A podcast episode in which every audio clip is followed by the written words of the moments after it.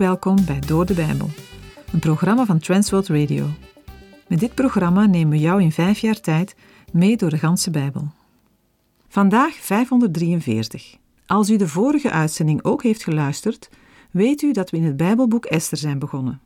We hebben de vorige keer vooral algemene en inleidende dingen besproken. Het boek Esther is een bijzonder verhaal in de Bijbel. Het boek bestaat uit drie hoofdscènes. Allereerst de situatie aan het hof, wanneer Esther koningin wordt. Daar zullen we vandaag meer over zeggen. In de eerste hoofdstukken wordt ook de dreiging waaronder de Joden in Perzië leefden duidelijk. In het tweede gedeelte wordt de redding en overwinning van de Joden beschreven en tot slot wordt het Purimfeest ingesteld als herinnering aan de gebeurtenissen uit dit Bijbelboek. Het verhaal van Esther speelt zich af in de ballingschap. Het is mooi om te zien dat de Heere God ook in die moeilijke situatie op zijn volk betrokken was. Het volk was in ballingschap vanwege zijn ontrouw aan God. En toch laat hij hen niet helemaal los. Ook in die vijandige omgeving ziet God naar zijn volk om. Daarnaast zijn de voorbeelden van Esther en Mordechai tot op de dag van vandaag aansprekend, omdat zij niet opgingen in het Perzische Rijk, maar stand hielden als mensen van God. Zij durfden de moeilijke weg van de Heere God te kiezen, ook al kon dat ten koste van henzelf gaan. Zij hielden het hogere doel voor ogen.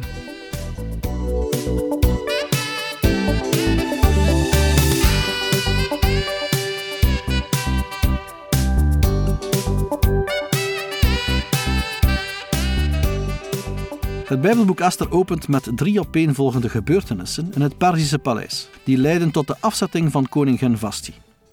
Deze handelingen dienen als inleiding op de hele geschiedenis. De lezer moet de beginsituatie kennen om het vervolg van de geschiedenis te begrijpen.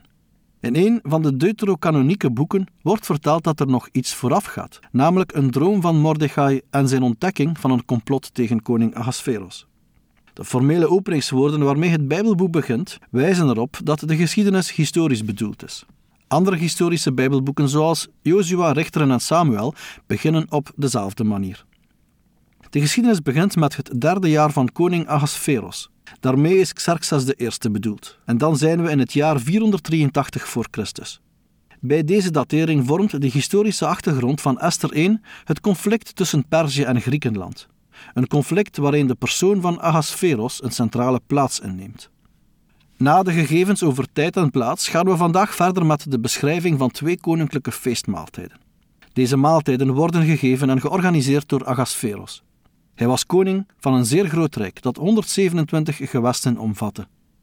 Mogelijk doelt de auteur hiermee op de kleinste administratieve gebieden van het rijk, om daarmee het grootst mogelijke aantal te kunnen noemen. Het onderstreept de macht en de neiging naar grootsheid van Ahasveros. De feesten vinden plaats in het hooggelegen en goed versterkte winterpaleis te Susan. Susan was een van de Perzische hoofdsteden. In deze elitaire omgeving organiseert de koning twee banketten voor zijn hoge ambtenaren. Het eerste feest is alleen voor de vooraanstaanden. Het zijn de machtigen van Medië en Perzië, de adel en de bestuurders. Ahasveros benut het festijn om één grote demonstratie te geven van zijn rijkdom, pracht en praal. De feestelijkheden duurden een half jaar. Een half jaar lang loopt de koning te koop met zijn verworven rijkdom, pracht en praal voor zijn hooggeplaatste onderdanen. Mogelijk ziet hij in hun aanwezigheid een goede kans om samen een aanvalscampagne tegen Griekenland te beramen en hen hiervoor aan zijn kant te krijgen. Wat de duur van het feest betreft, is het mogelijk dat wisselende groepen te gast zijn, omdat het onwaarschijnlijk lijkt dat alle genodigden gelijktijdig aanwezig zijn.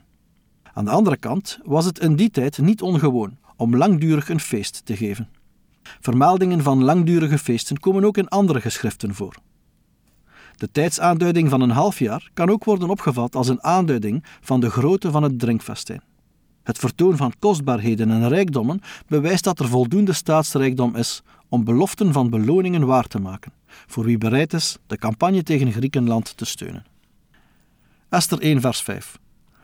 Toen die dagen voorbij waren, richtte de koning een maaltijd aan voor heel het volk dat zich in de burcht Suzan bevond, van de hoogste tot de laagste, zeven dagen lang in de voorhof van de tuin van het koninklijk paleis. Het tweede feest is voor alle bewoners van de vesting in Susa. Het wordt een week lang gehouden in de tuin van Ahasveros paviljoen.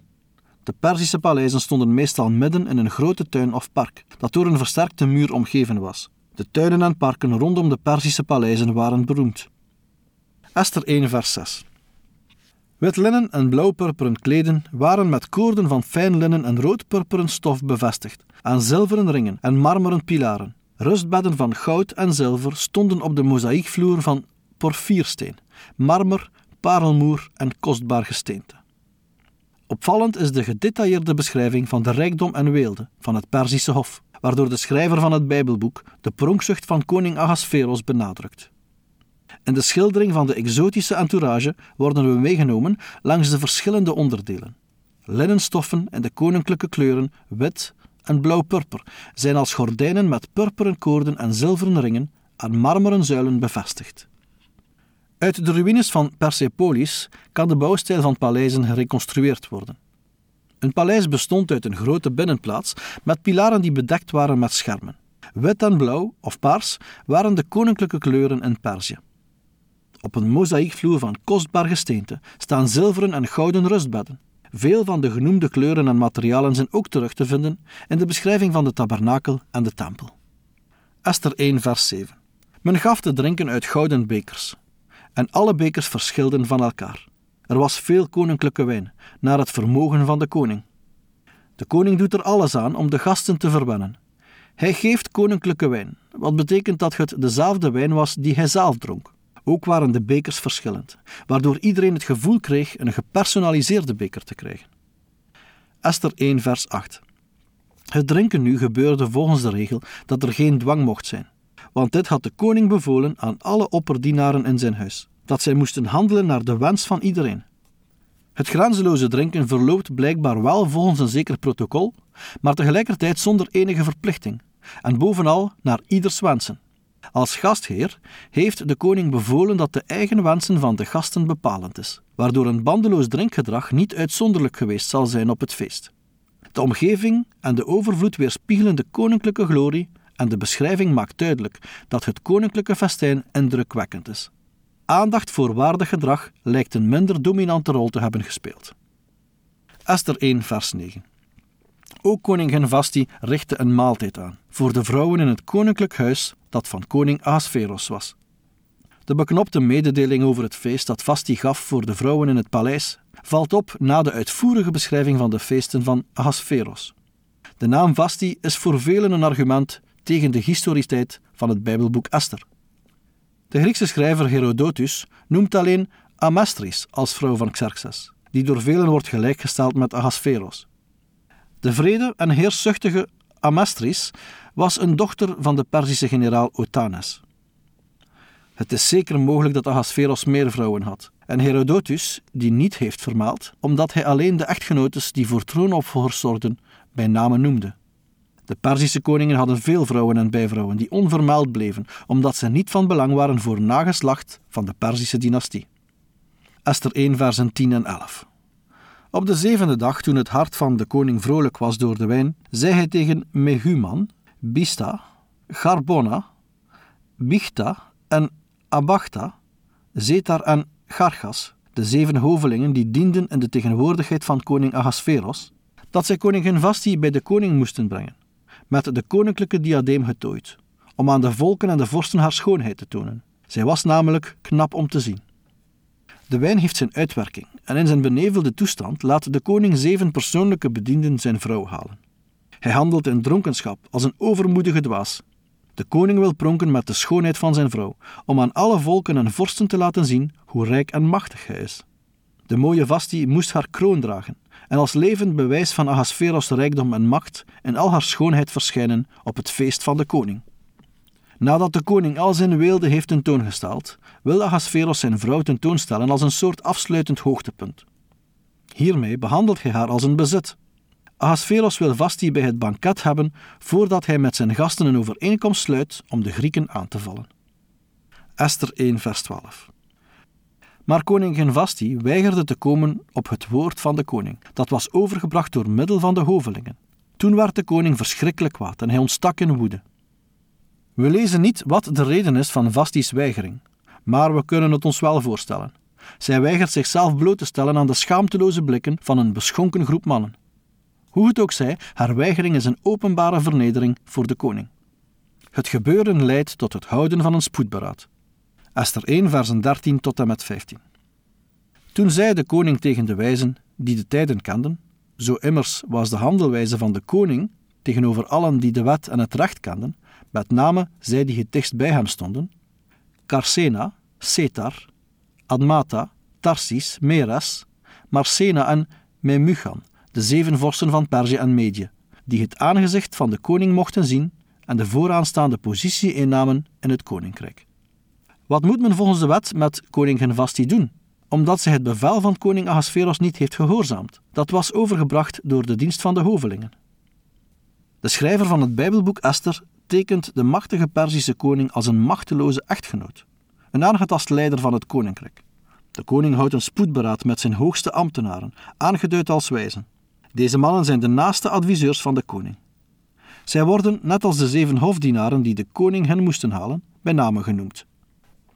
Ahasveros wil hun advies om te weten wat er volgens de wet met Vasti moet gebeuren. Hij maakt zijn huwelijksprobleem hiermee tot een staatszaak. Tevens toont hij zichzelf zwak en lijkt hij geen besef te hebben van het gevaar van manipulatie door zijn dienaren. Esther 1, vers 16. Toen zij mij Muchan, ten overstaan van de koning en de vorsten, niet alleen tegen de koning heeft koningin Vasti zich misdragen, maar ook tegen alle vorsten en tegen alle volken in alle gewesten van koning Ahasveros. Van het genoemde zevental adviseurs treedt Memuchan op de voorgrond. Met deze reactie geeft hij aan dat de koning hen een staatscrisis heeft veroorzaakt. Esther 1, versen 17 en 18.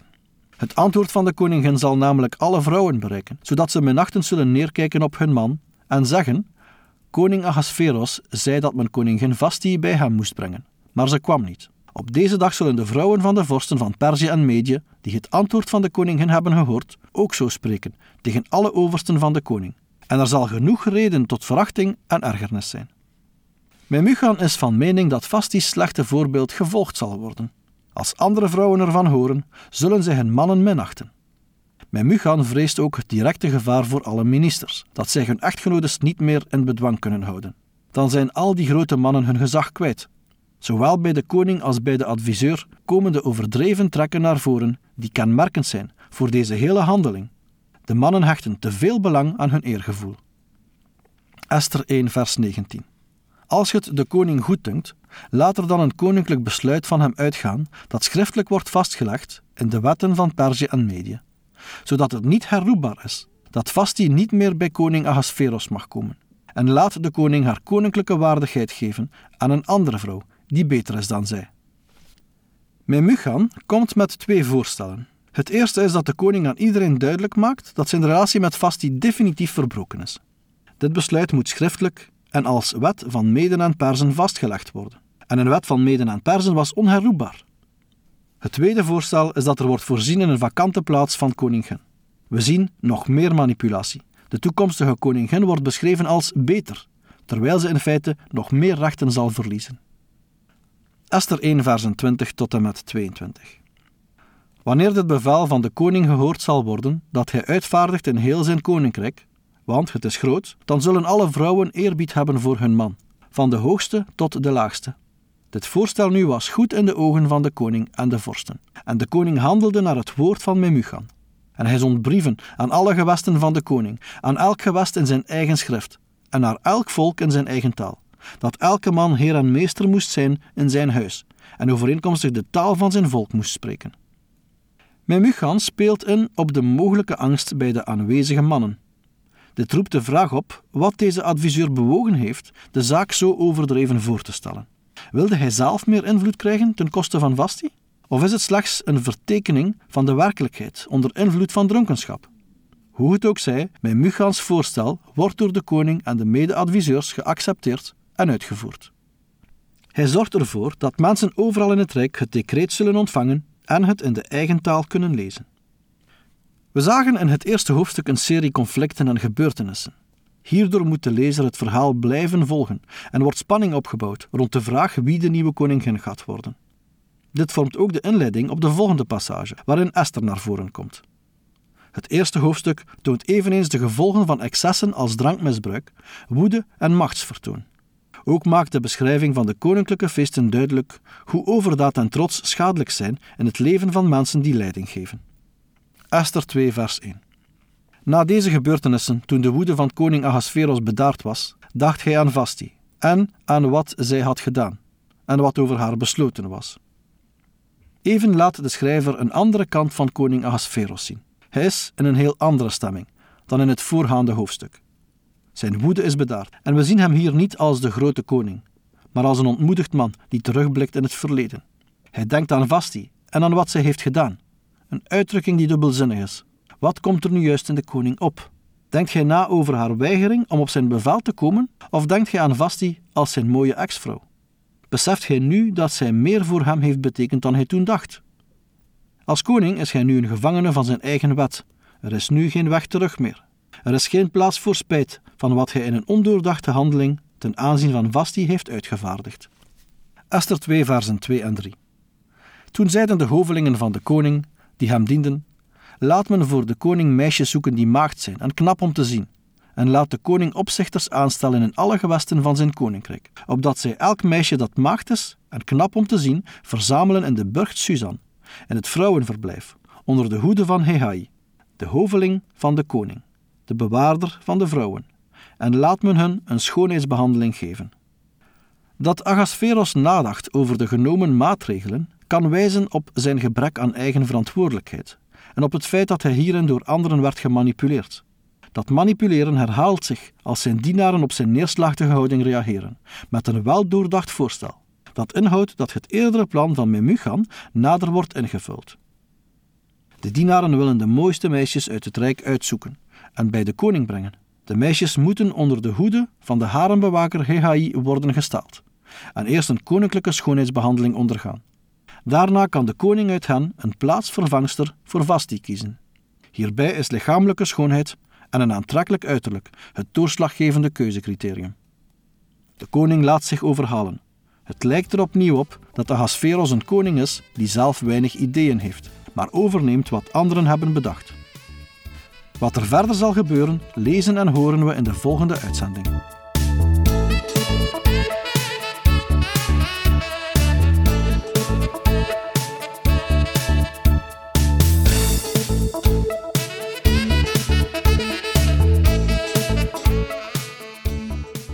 U heeft geluisterd naar Door de Bijbel, een programma waarin we in vijf jaar tijd de ganse Bijbel bespreken.